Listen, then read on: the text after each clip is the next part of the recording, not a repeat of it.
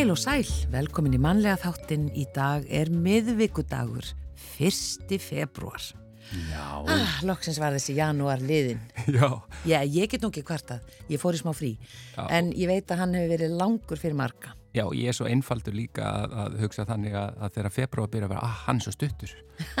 Já, hann er stittri. Já, uh, og það, það er ekki þetta að komast í kringum það. Uh, og hann meiri sér, já, nú mann ekki eins og hvort það sé hlaupári ár. Góð spurning. Jú, ég sé það hér, það er sem sagt ekki hlaupári ár. Nei. Nei, uh, en við förum aftur til ásins 1904, 1. februar, uh, heimastjórna tímabilið. Uh, Hannes Hafstein var fyrsti ráðherra Íslands með búsetu á Íslandi á þessum degi árið 1904. Já, og Kvennfélagasamband Íslands, það var stopnað í Reykjavík á þessum degi 1930. Áfengisbann var felt úr gildi á Íslandi á þessum degi árið 1935 og bannið hafi staðið í 20 ár og einn mánuð eða frá 1. janúar 1915. Já, og það var ekki eins og fólk hefði ekkert drukkið þennan tíma, það var bara þetta fór lengt. Já, Menn voru að brugga og hérna, já, það var bara... og smigla og alls konar. Jú, já, já. Sundhöllin á Ísafyrði var vík á þessum degi 1946.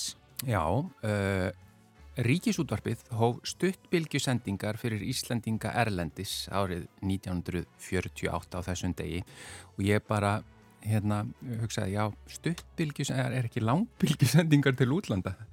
Svona veit ég lítið um, um bylgjusendingar. Viðlagasjóður var stopnaður á þessum degi til að bæta tjón eftir eldgósið í Vestmannegjum 1973. Já, Var strax búið að stopna hann á þessum degi. Þetta, voru snör viðbrögð. Já, það er bara rétt, rétt um viku eftir að gósið hófst. Já. Eh, Síðasta mjölkubúðin í Reykjavík var lögð niður á þessum degi árið 1977. Já, maður sér nú alltaf dálítið eftir þessum mjölkurbúðum. Já, ég man, man einmitt vel eftir einni sem var rétti á sundhöllinni. Já, ég mann sérstaklega, sko það sem svona uh, poppar upp í minni, það er þessi ferna e, svona ávaksta eða jarðaberja súrmjólk sem var í svona þrýhindri fernu, já. eftir henni? Já, já, ég man eftir þessum þrýhindu hún var græn Já, já, og svo var mynda rauðum jarðaberjum. og, og ég man bara eftir mér í einhverju alls konar fleiri uh, afurðum í, í hérna svona þrýhirningsumbúðum, sko. Já, og svo var það skýr sem var svona bara í svona eða Plasti og Já, eða bara smjörpappir á þessum tíma, ég manna ekki alveg, en þetta var besta skýrið. já, já. En uh, árið 2003, Þórólfur Árnason tók við sem borgarstjóri Reykjavíkuborgar. Já, og Jóhanna Sigurðardóttir tók við starfi fórsættisráðara 2009 á þessum degi og var fyrsti kvenkins fórsættisráðara Íslands og fyrsti ofinberlega samkynhegði einstaklingur í heimi til að gegna starfi fórsættisráðara. Já, og svo var það þessum degi árið 2017 sem að samkynneitt par var gefið saman í fyrsta sinn í kirkju í Noregi. Já, og að efni þáttarins í dag. Já, Tryggvi Helgason, barnalæknir og sérfræðingur í offitu barna kemur í þáttin í dag. Hann ætlar að segja okkur frá stefnubreitingu sem er að verða í Evrópu og Ameríku í meðferðarúræðum gegn offitu bæði hjá börnum og, og fullornum og hann ætlar að fræða okkar aðeins um stöðuna í dag hér á Íslandi og þróun í þessum málum núna svona allavega í nánustu framtíð. Já, e, við höfum séð og lesið í fréttum að fellabakari á héræði hefur hætt starfsemi og það var eina bakarið sem var svona eftir þarna á svæðinu starfandi og síðan er spurt áfram í fjölmjölum hver á að baka 20.000 bollur fyrir austfyrðinga. E, Sesam Brauðhús er lítið handverksbakari á reyðarfyrði og við ætlum að ringja þangað og aðtöða hvort þau geti annað eftir spurninni. Valur Þórsson er yfir bakarið þarna og við sláum á þráðin hér á eftir. Já, og svo fáum við postkort frá Magnús R. Einarsinni í dag og við vorum auðvitað að tala um gósið áðan og viðlaga sjóðin. Það eru liðin 50 ár frá því að gós hófst í eigum og þess var minnst með ýmsum hætti þann 23. janúar síðastliðin og Magnús var í eigum kvöldið fyrir gós en var farin út á sjó áður en það byrjaði. Og hann segir frá þeirri skelvilegu upplifun að fá fréttinnar beint í æði gegnum radíóið þessa örlaðaríku nótt. Og hann segir líka frá komandi gósloka hátíð en þá verður afhjúpaður minnisvarði Ólafs Eliassonar um gósið og svo mun hann spyrja einnig í ljósi þess að engin minnisvarði er um Tyrkjaránið í eigum. Hvað menn ætla að gera þegar 400 ár verða liðin frá því ráni eh, árið 2027? Já, og uh, í ljósi þessa, ég var einmitt að klára uh, þessa bók, þar að segja, uh, sem sagt ég var að klára hlust á hana, reysubók Guðríðar já, já, já, og uh, bara mæli með því að fólk lesi hana, já, jafnvel aftur það, hafa margi lesið þessa bók og uh, það er alveg stórkoslegt að hlusta á höfundin Steinun Jóhannesdóttur uh, lesa þetta. Mjög áhagvert. Við byrjum á tónlist eh, eins og bara alltaf. Þetta er hljómsveitin Dátar og lægið Kling Klang.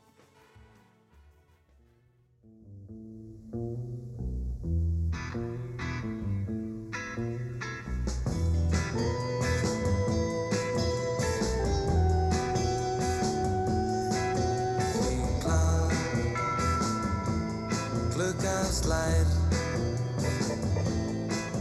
Klingklang Komdu nær. Klingklang Og í kvöld skulum kúra saman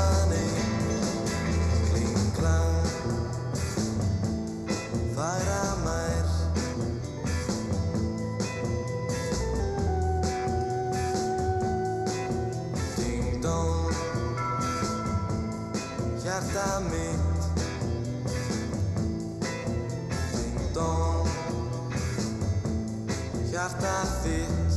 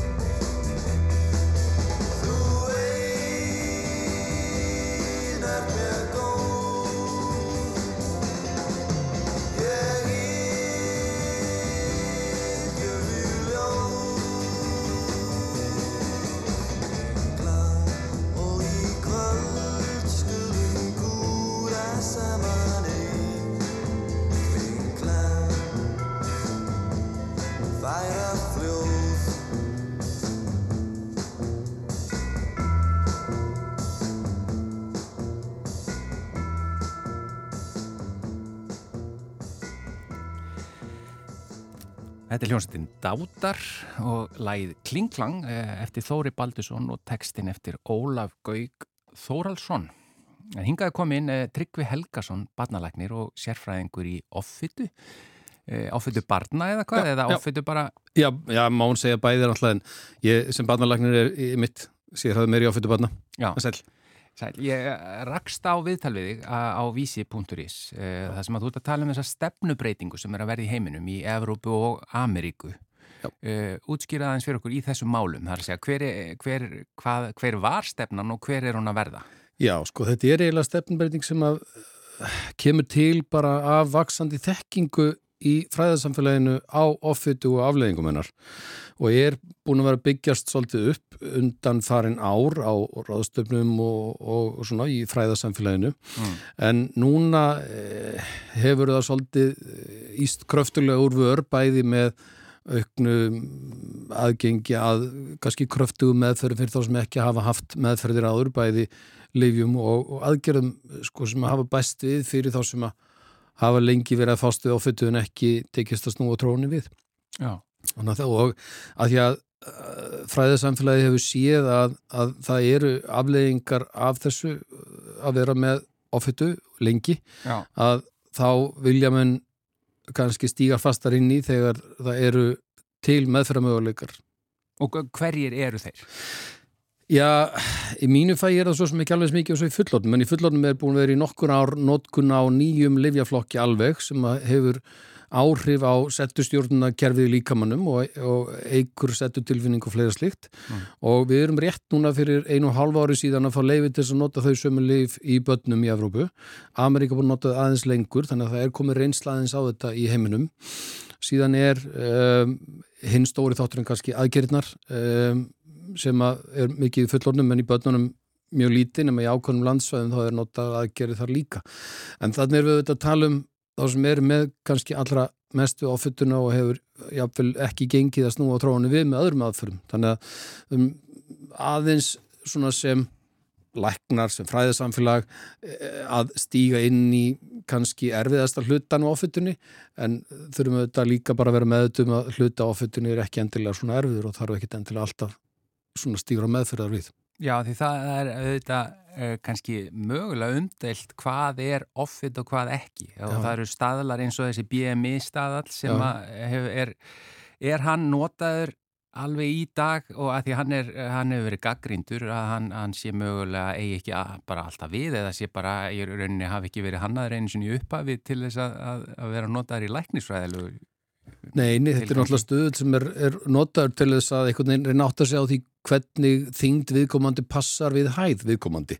Það er svona, það er svona grunn hugmyndin og er uppalega hugsaður til þess að skoða stór samfélög, eh, stór gagnasöfn og svo framvegis. Já, En um, auðvitað er það þannig að ef maður horfir á einstakling þá áttar maður sig á því þegar maður er læknir og vanur að vinna með tölur og, og svo leiðist það áttar maður sig fljótt á því hvort viðkomandi er að stunda vakstarækt og bóðslega mik vöðumikill og þess vegna með háan háa þyngd vegna mikils vöðumassa eða hvort að viðkomandi er með mikinn fytumassa og þess vegna eh, sko með háan þyngdastuðul. Þannig að að- BMI kvarðin, hann er ekki engungu tekin eh, heldur það, eru, það þarf að skoða fleiri breytur í því. Algjörlega og svo náttúrulega er hann svolítið erfiður á þessu bíli sem að kannski stóri massin af fólki er þar sem hann er kannski eh, frá 23 uppi 30 svona sem að vennlegt flest eh, flestir einstaklingar eru á, á því bíli eitthvað staðar og, og þá eru eh, einstaklingar sem er ekkit með vandræði frá sínum fytumassa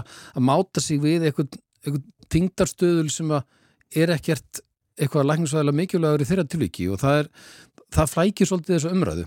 Og eins þeir sem eru kannski rétt yfir mörgum um, með aðeins uh, fyttu massa sem er kannski ekkit að trubla þeirra líkanstarfsemi það er ekkit endilega það sem við erum að fást við í mínu fæi heldur er það þeir sem eru með um, mikinn fyttu massa lengi sem er kannski orðin það mikil að hann er fann að trubla ykkur á starfsemi eða stefnir í að hann gerir það og það er kannski hópurinn sem við erum meira fást við sem erum að vinna í lækningum á, á offitu en ekki eitthvað svona útlits einkenni um hvort að fytumassin liggur rétt aðeins á mjóðmannum eða brjóstunum eða hvað sem það er að því að þetta getur auðvitað verið mjög viðkvæm umræða Já, já. því að þetta snýst auðvitað líka bara um eins og líkamsvirðingu og Já. annað að, að hérna að fólk upplifir sig ekki sem að sé sett út í hotn í samfélaginu sko uh, og, að að, og það hefur verið bent á það að fólk getur verið yfirþyngd en samt alveg heilbrygt algjörlega uh, ég meina er ekki, hver er, hvað er sama sem merkið á milli þess að vera í uh, ofþyngd og þarft að þá að vera eitthvað vel yfir mörgum til þess að í rauninni vera farin að stefna Já, þar, helsun í hættu eða hver, hver, er tengingin já, þar? Já, þar er þetta með svo mikið einstaklingsmun þú ert kannski með einstakling sem er í fjölskyldu þar sem er mjög mikið af síkusíki 2, það er alls konar vandræði með sjó konum blæðingar eins og hjá köllum geta verið alls konar annað í livrinni og fleira slíkt og þá getur þú verið komið með einhverja fylgisjúkdóma eða eitthvað annað þó sért ekki nefn með eitthvað x mikinn fytumassa Mm. og þú eða ég sem er kannski ekki í svoleiðis eða einhver annar sem er ekki í svoleiðis fjörskildu hann þóli kannski að vera með þetta mikla orkubyrðir á sig á þess að tröfli starfsefina eitt eða neitt. Og þá þá maður bara í rauninni sem helbriði starfsmöður og hvað helbriði starfsmöður sem tekur á móti við komandi að reyna átt að segja á því ok, er þetta eitthvað sem skiptir máli eða þarf ég hérna að stíga inn í á ég að ráðleika sem einstaklingi e- eða skiptir þetta einhver máli í dag og þurfum við ekki að pæla í þessu. Auðvitað er kannski þeir sem að þurft að hafa mestar áhugjur af ef maður að horfa bara á, á tölur og þingdatölur og svo framvegis en það eru helst þeir sem eru að þingjast hratt. Og af hverju að við komandi að bæta á sig þingd af því að það er svo opbáslega hvað við segja það er svo óþart í samfélagin í dag að vera að vera bera utan á sér orkubyrðir. Við getum bara labbað út í búð hvernig er að sótt okkur orkubyrðir í dag. Þannig að þetta er frábæra eiginleiki sem Íslandingar eru með mjög sterti í sér að geta geimt orkubyrðir. Þetta er frábært þegar koma móðuharandi hérna og þryggjára fresti og eldgós og alls konar svo leiðis. Þannig að við grunar að við séum með þetta mjög stert í erðunum okkar að, að geima alla orku sem við komumst yfir. Ég gjur ráð fyrir að hinnir hafi bara kannski ekki lifað neitt sérstaklega lengi hérna á Íslandi í gamla dag. En um, En hver er sko, ef við skoðum meðferðarúræðin eins og liv, uh, að því nú hefur til dæmis verið talað um uh, að það sé hætta á skjaldkirtilskrabbameini út, uh, út frá livjum sem hafa verið notuð.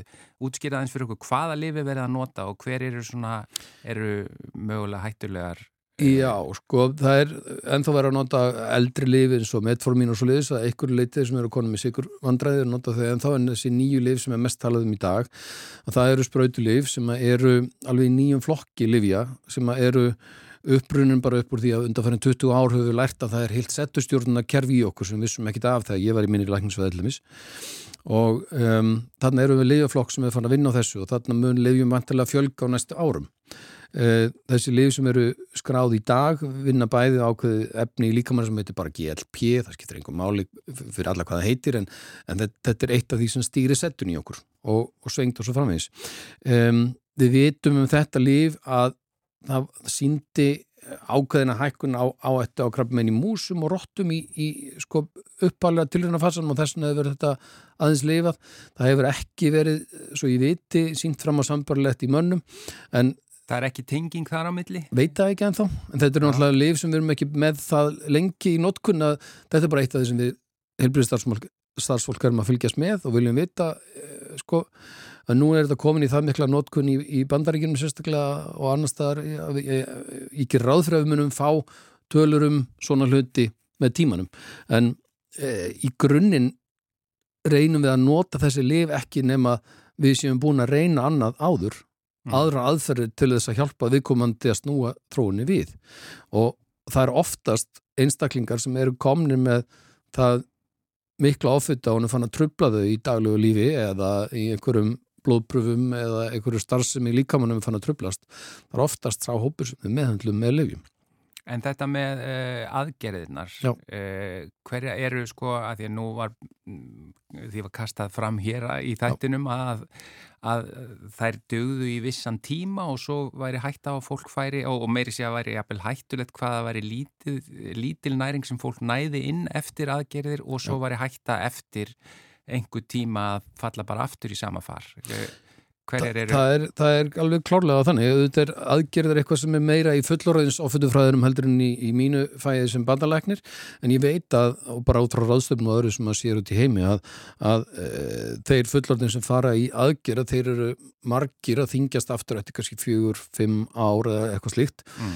og það er þá vantar eitthvað lífræði sem stýri því að, að líka með þeirra er að sækjast aftur í fyrra horf það er svona eðli líkamanns að sækjast aftur í sitt fyrra horfbyrðastöðu og svo leiðs en um, í, í eðli sínum þá, þá er mjög mikilvægt að þeir sem að eru að fara í aðgerðir og þeir sem hafa að fara í aðgerðir séu í eftirliti hjá lækni, hjóknarfræðingi næringafræðingi og okkur svolítið hópi sem að myndi styðja þá í að breyta því sem þarf að breyta í lífsvönjum og reyna brjótast út úr því sem að samflæði vill að maður geri og, og, og meira út í það sem líkamenn þyrrt að gera hjá viðkomandi. Það er auðvitað það sem að stýra okkur oft inn í meiri neyslu heldur en við þörfum. Það er þessi stöðu í, þessi stöðu í þrýstingur frá samflæðinu í meiri neyslu og meiri kissetu. Já og svo er það hinn hin þrýstingurum frá samfélaginu að passa inn í einhvers konar boks e, og, og að, að því að e, í rauninni talandi út frá eins og líkansvirðing og annað að það að þú upplifir það að samfélagi sé alltaf að íta þér eða, eða þú, þú bara passir ekki inn í eða sést ekki það sem eru auðvitað að því að sko að því þú ert barnalæknir og þetta vinna með og nú að frétt bara í fréttum áðan hér á rúf þetta um hérna börn í ofþyngd og hvað verður að reyna að velta fyrir sér hverjar eru orsakir þess. Uh, inn í þessa viðkvæmu alla umræðu er, er hérna, ég menna það er ekki verið að skoða bara fólk sem er yfir þingt heldur það er verið að skoða það sem, ég menna hvenar er komið hættumerki, hvenar í ykkar huga þú sem læknir, hvenar er, er þetta komið á það stig að, að, að þið viljið stíga inn í eða?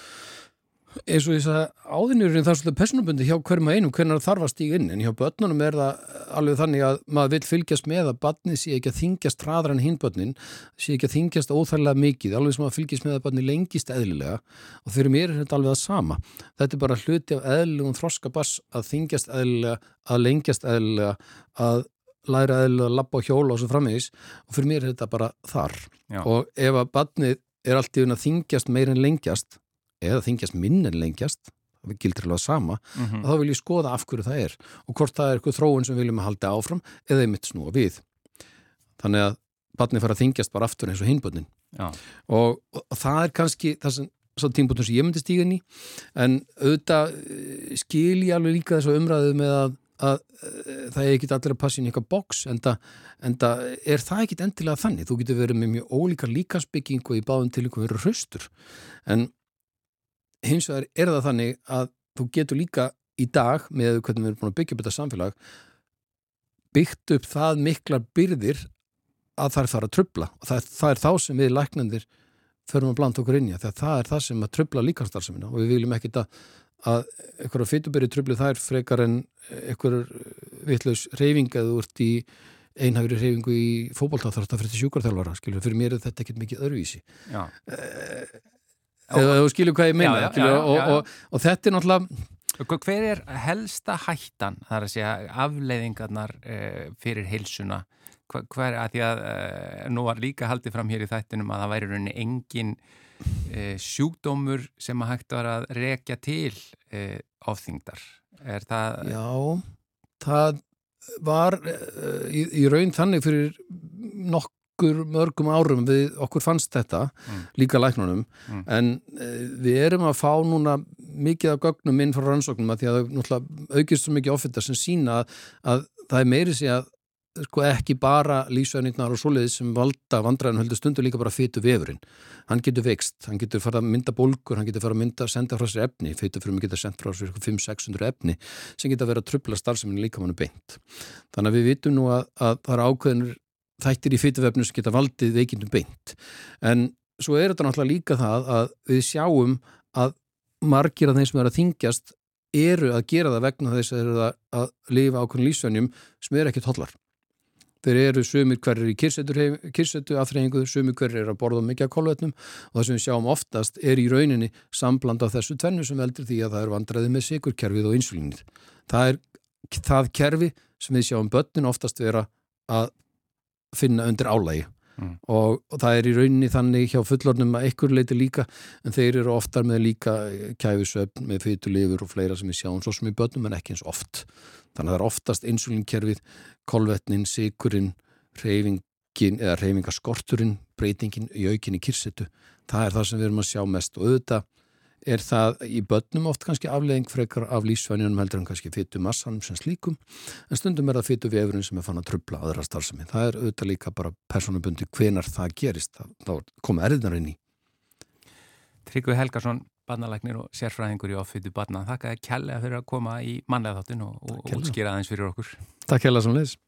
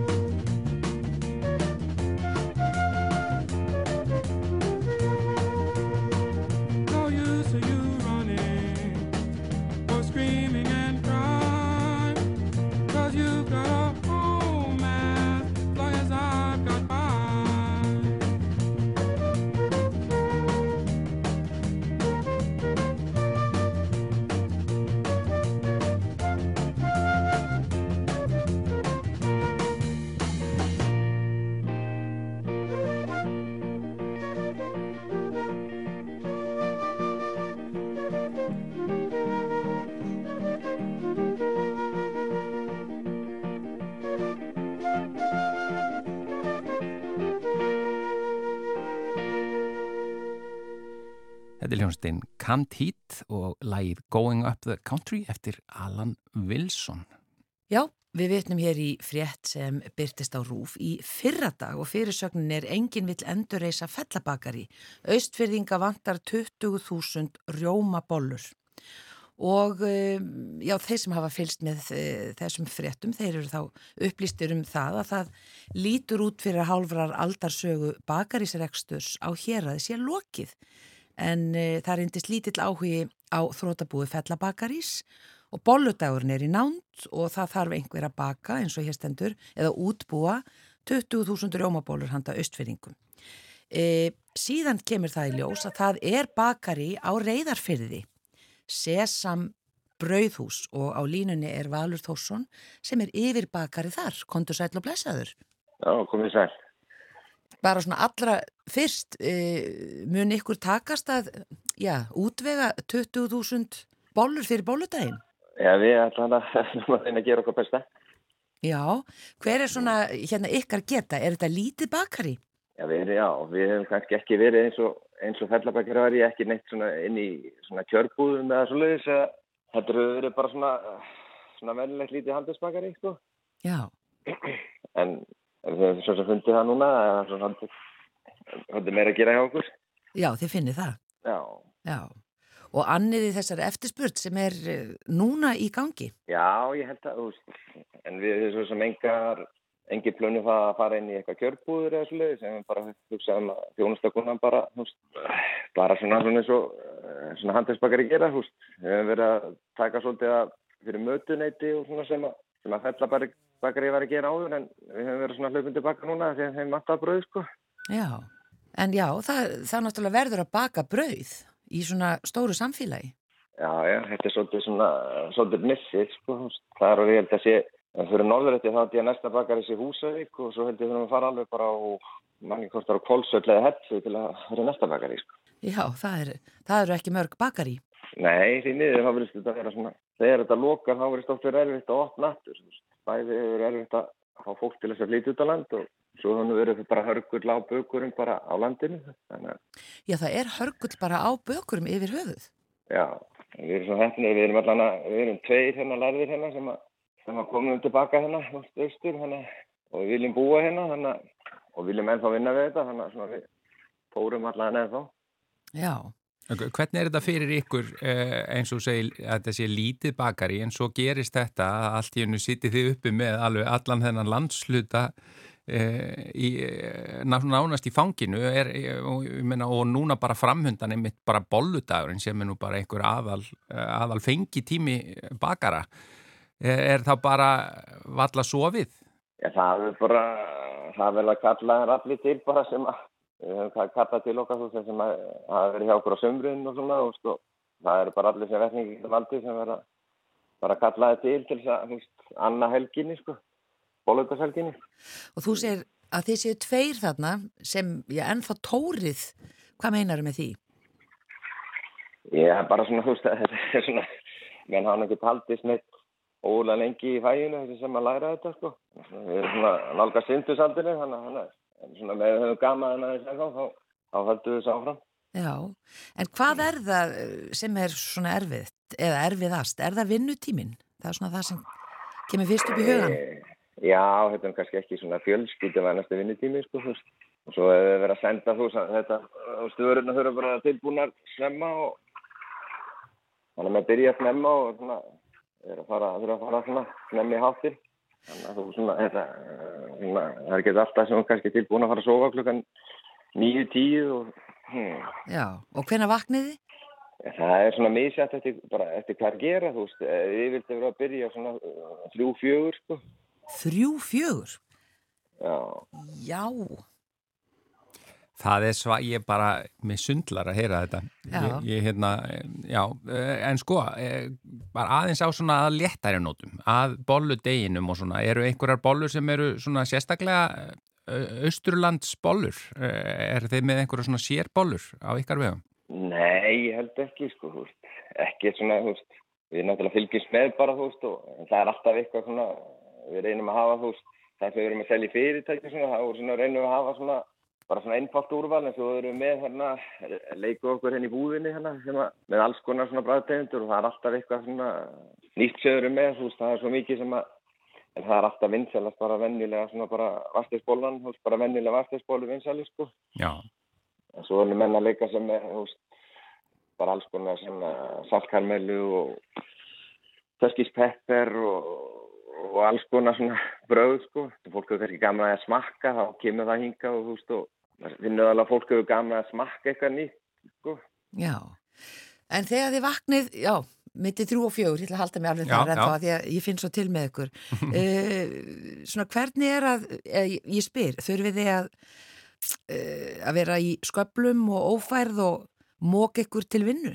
Nei, það er nú svo sem ekki langt fyrir mann að lappa, þú veist. Annar bakarinn býr undan á Norrfyrði, hann þarf svona að presta á guðu lukku þegar það er hérna eitthvað ófær, sko. En ég næ nú yfirleitt að lappa þetta, þetta er eitthvað 1500 metra fyrir mig, þannig að ég er svona, það sleppur nú alveg til. Akkurat. Hvernig er veðri núna? Nú er bara saka fínt viður, sko. Bara Já. svona fallegt vetra viður, sko. Já, mikill snjór. Já, snjóaði töluvert hérna í gær og fyrir þetta, sko.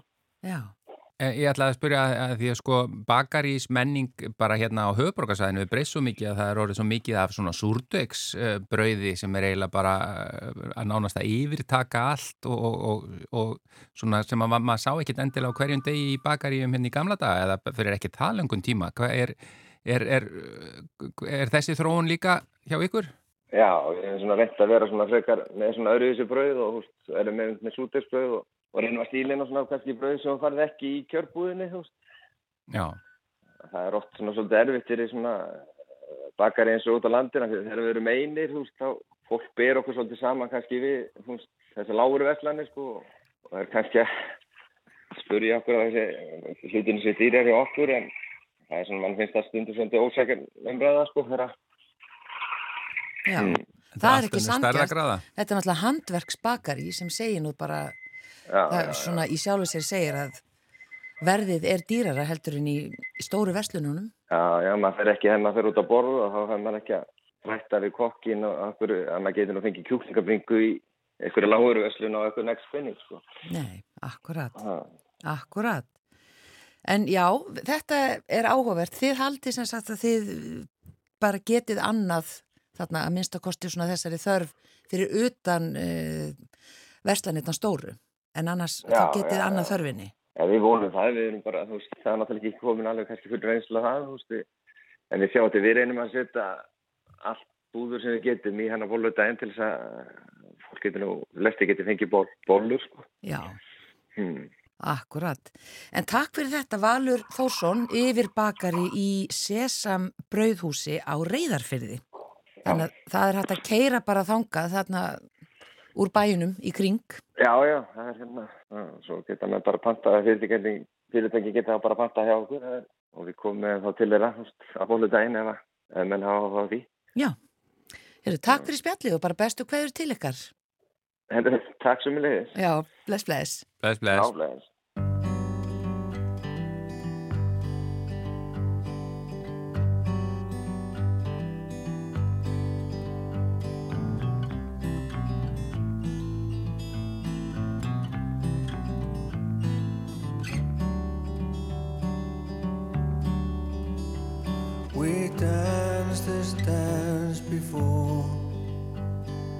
though I can't be sure, but I remember your sweet smell and this feeling I felt before.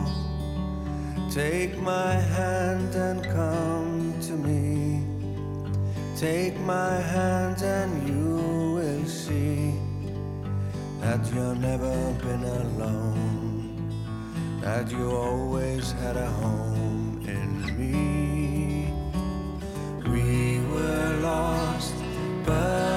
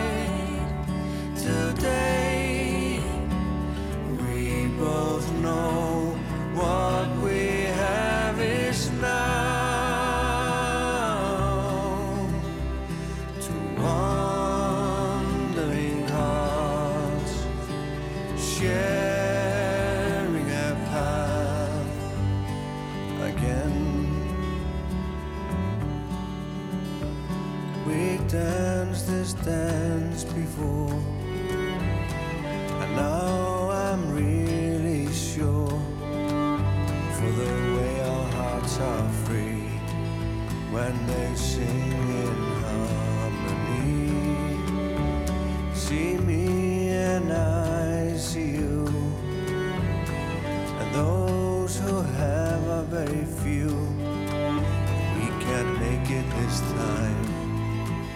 I know your heart will find mine again, again, again.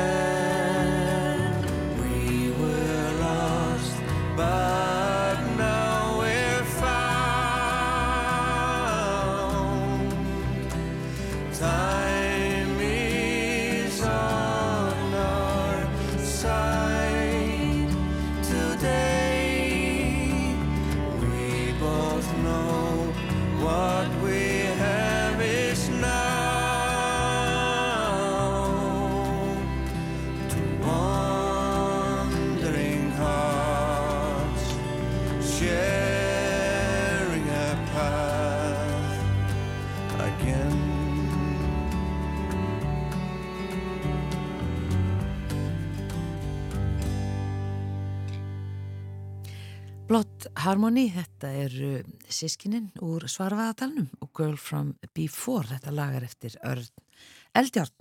Já, en nú er komið að postkorti frá Magnúsi R. Einarsinni, það sem hann allar meðal annars að fjalla um e, sínar minningar frá eldgósinu sem fyrir 50 árum.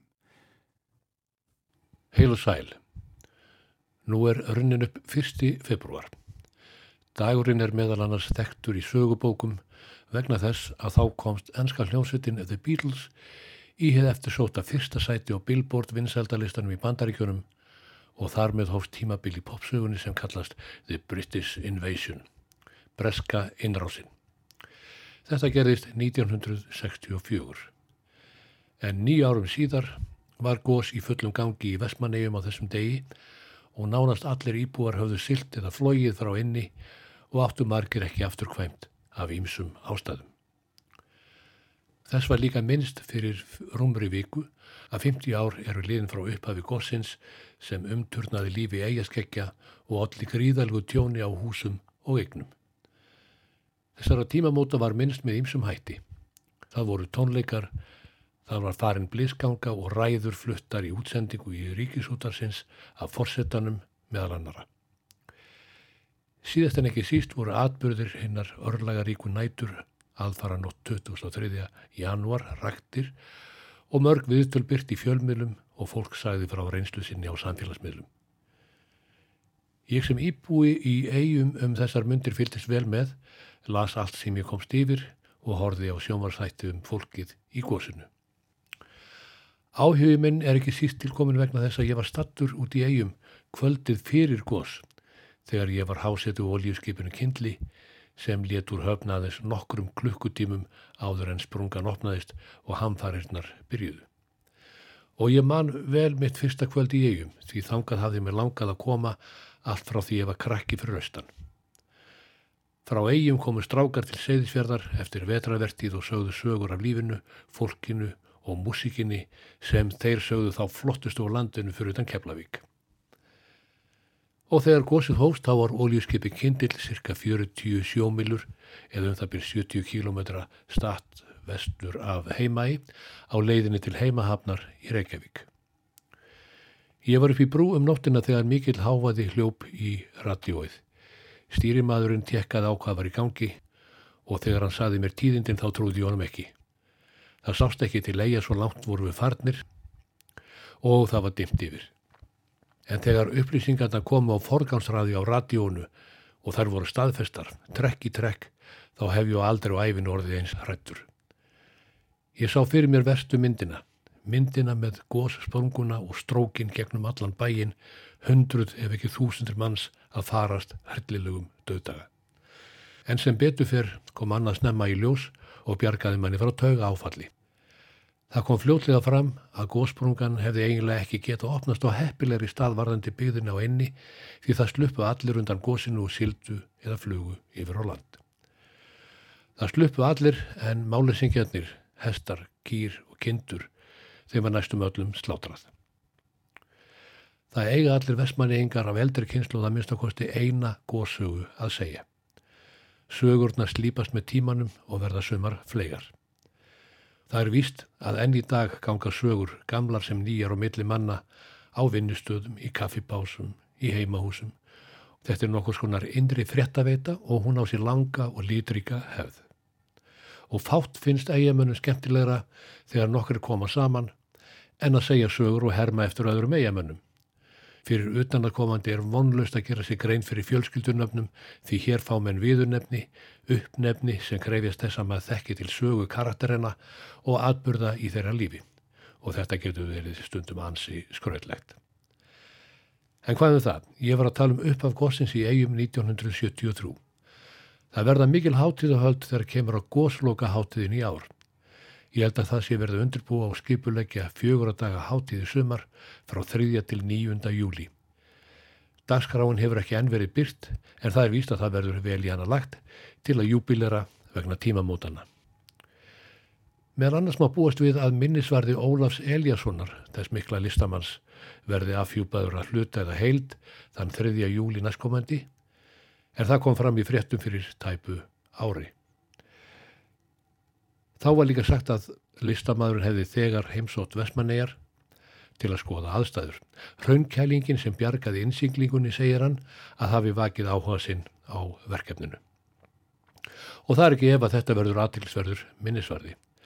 En talandi einmitt um minnisvarða þá tók ég snemm eftir því að hér er engin minnisvarði um annan atbyrð sem næstum eitti byggðinni fyrir næstum 400 árum. Tíminn læknar öll sár, segir máltækið og mér finnst ólíklegt að margir ef nokkur sé á lífi og með böggum hildar vegna Tyrkjaránsins fyrir 394 árum, 1627. Ránið og fjöldamordin sem voru framinn, ollu sárum sem tók kannski tvær aldir að gróa því eftirmálin voru gífurlega erfið, ótrúlega flókin og seinleg, erðamál í algjörum hnút og allt bundið og klafa réttrúnaðar kirkjunar sem þá ríkti. Þjáningin og tapið svo mikið að það láfið að byggðin leiðist af vegna missis og sorgar. Og nú er það spurningin hvort vestmanneigingar eigi ekki nú að fara að hugsa til þess að reysa fólkjunu sem var myrt og rænt sumarið 1627 veglegan minnisvarða árið 227.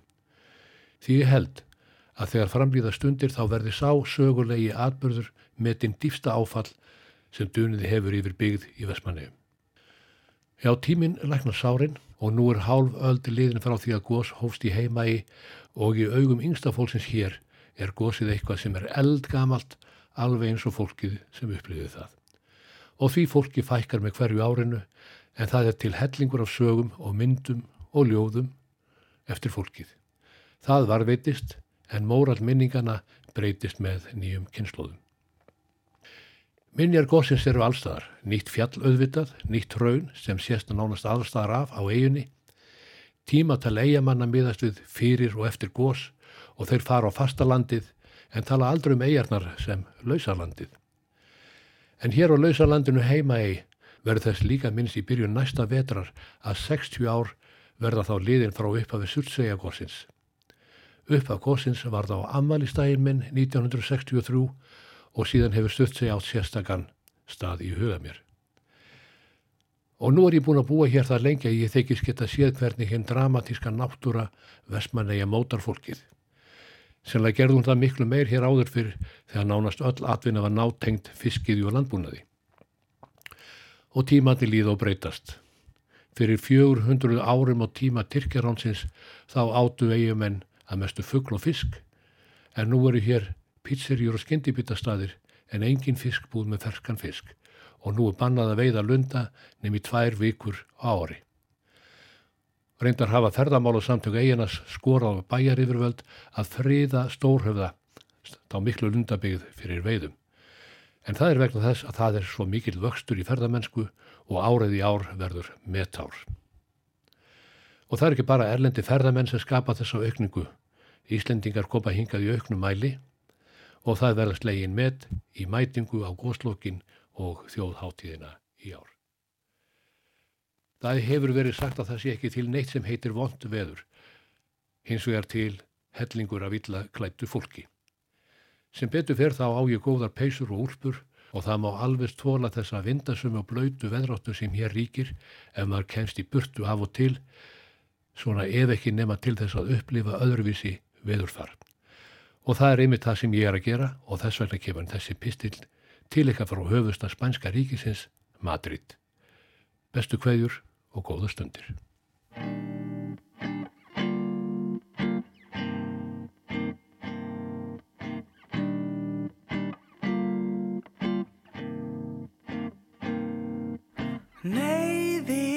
Í tré, nývagnaði þröstur upp á háa sé og heldur því.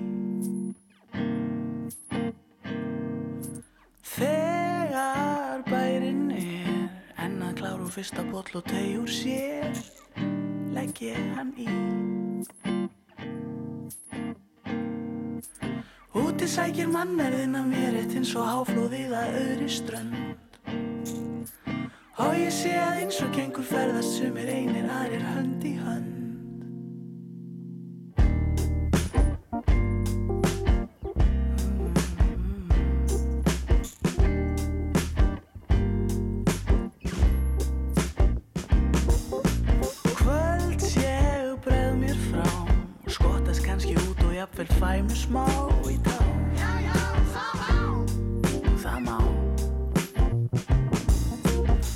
Sækir mannverðin að mér eitt eins og áflóðið að öðri strönd.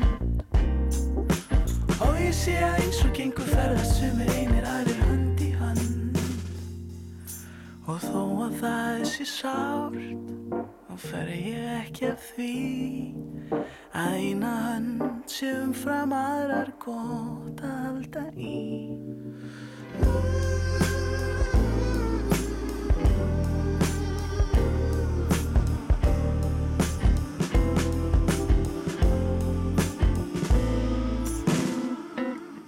En þegar